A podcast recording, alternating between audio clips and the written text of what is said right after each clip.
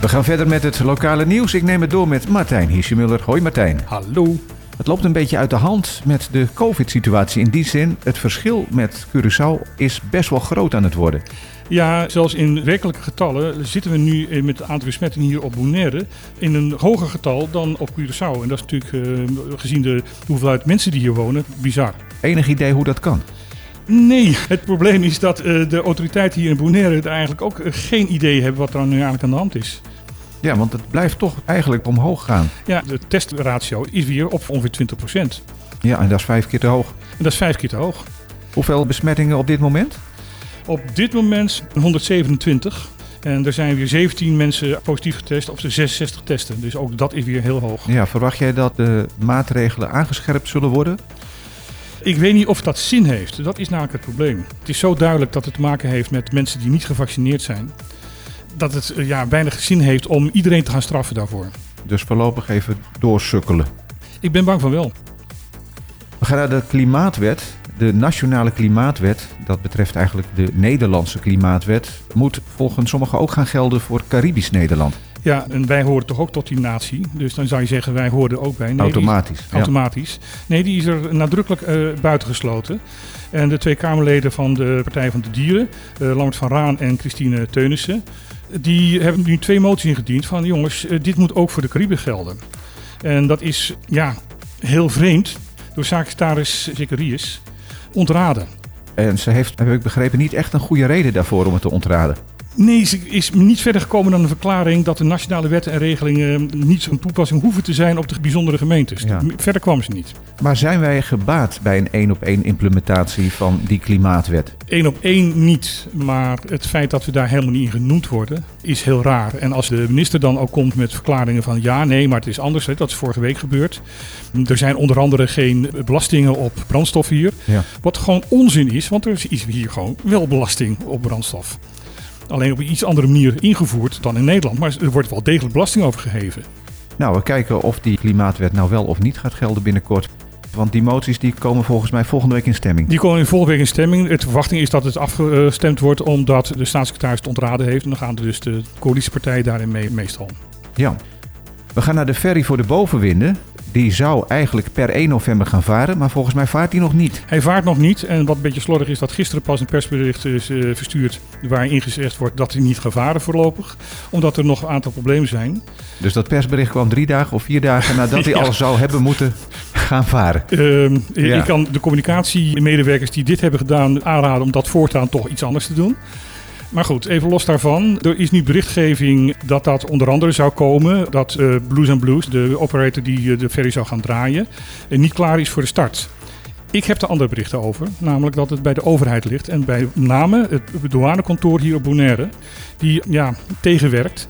Het, het, gaat hier om twee landen, Sint Maarten en Sint-Eustatius en, en Saba als Nederland aan de andere kant. Dus als daar boten tussendoor gaat varen, dan heeft de douane daarmee te maken. Maar het douanekantoor op Bonaire moet de situatie regelen op Saba. Uh, net zoals met politie en brandweer zit de hoofdpost van, van okay. Caribisch Nederland. Dus ze hebben een soort dependance daar, ja. maar ze worden aangestuurd vanuit Bonaire. Ja, en Bonaire hier zegt van nee, we hebben daar personeel niet voor en we gaan daar niet aan meewerken.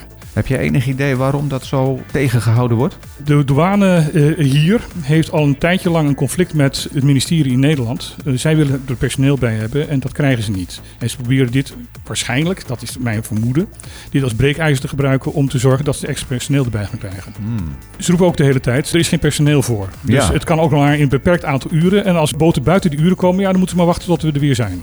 Die stiptheidactie geldt op dit moment alleen maar op, uh, op Saba en Sint-Eustatius.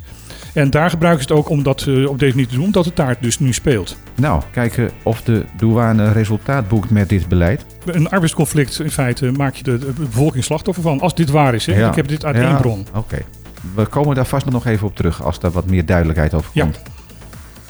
Het Maatjesproject, daar gaan we het over hebben. Ik denk aan vis, maar dat is het niet. Nee, nee, nee. Het is een, een project wat door Hofficourt Cultureel is opgezet vorig jaar. Waarbij uh, mensen die tijd daarvoor hebben, contact zoeken met ouderen om ze gewoon wat gezelschap te geven. Het was de bedoeling dat er tien mensen, tien ouderen zouden zijn met tien maatjes. Het zijn er ondertussen veertien geworden, want het is een groot succes. Ja, want er zijn natuurlijk een hoop ouderen die inderdaad alleen zijn, soms Ja. geen familie hebben. En heel erg uitkijken naar mensen Ja. die ze af en toe komen opzoeken of iets leuks met ze gaan doen. Ja, het bestaat in Nederland al jaren. Hmm. En dat is dus hier nu overgenomen. En ook hier een succes. En het wordt ook door de ouderen echt als eh, bijzonder eh, plezierig ervaren. Ja, mooi project. Nou, ik neem Dus- aan dat er altijd behoefte blijft aan eh, nieuwe maatjes. Dus Ja, mensen vooral, die... vooral mensen die Papiment spreken, maar ook Spaans, Engels en Nederlandstalig sprekende ehm, vrijwilligers zijn van harte welkom. Ja, het project heet Compagnia Nos Grandinan. En ik neem aan dat die vast wel terug te vinden zijn als je daarop googelt. Er is weer een televisieprogramma in de maak, of eigenlijk is hij al gemaakt. Hij wordt eh, binnenkort uitgezonden. Ja, dat heet Rauw Curaçao. Het gaat inderdaad ook over Curaçao. Het is een Curaçaose presentatrice, Wens, eh, Wensley Francisco. Die in vijf afleveringen Curaçaoenaars die het zwaar zijn getroffen door de COVID-crisis... een jaar lang is blijven volgen. En dat schijnt inderdaad heel erg rauw te zijn. En behoorlijk schokkend. 7 november wordt dat op NPO 2 uitgezonden. De eerste aflevering. eerste aflevering. Ja, nou, Ik, ik zou zeggen kijken, want volgens mij is het interessant. dan hebben we nog het weer. Ja, daar kan kort in zijn. Het weerbeeld rondom het eiland is momenteel redelijk rustig. Als je ook de, de radarbeelden ziet, dan ziet het er mooi uit. De voorspelling is daarom de komende dagen rustig weer. Met overwegend zon en temperaturen maximaal 31 graden, minimaal 26 graden. De wind zal matig zijn en er is een kleine kans op hier en daar een licht lokaal buitje. Nog even kijken naar morgen. Dan als altijd op zaterdag tussen 12 en 2 het programma op te klippen. Ja, en daar hebben wij onder andere Elsemarie Beukenboom op bezoek. Zij is voorzitter van een stichting die mensen op de eilanden stimuleert. Ja. En zij reageert op een bericht dat wij vorige week ehm, hebben uitgezonden over een Antilliaanse onderwijskundige. Die zegt en stelt van het papiermens als onderwijstaal eh, bij het mbo is niet gunstig voor de studenten. Daar wil zij haar kant van het verhaal tegenover zetten. Nou, ik ben heel benieuwd hoe zij er tegenaan kijkt. We gaan luisteren morgen Eh, Ik ook. op de klippen dus tussen 12 en 2 op zaterdag. Ik wens je een fijn weekend en Dankjewel. tot maandag. Tot maandag.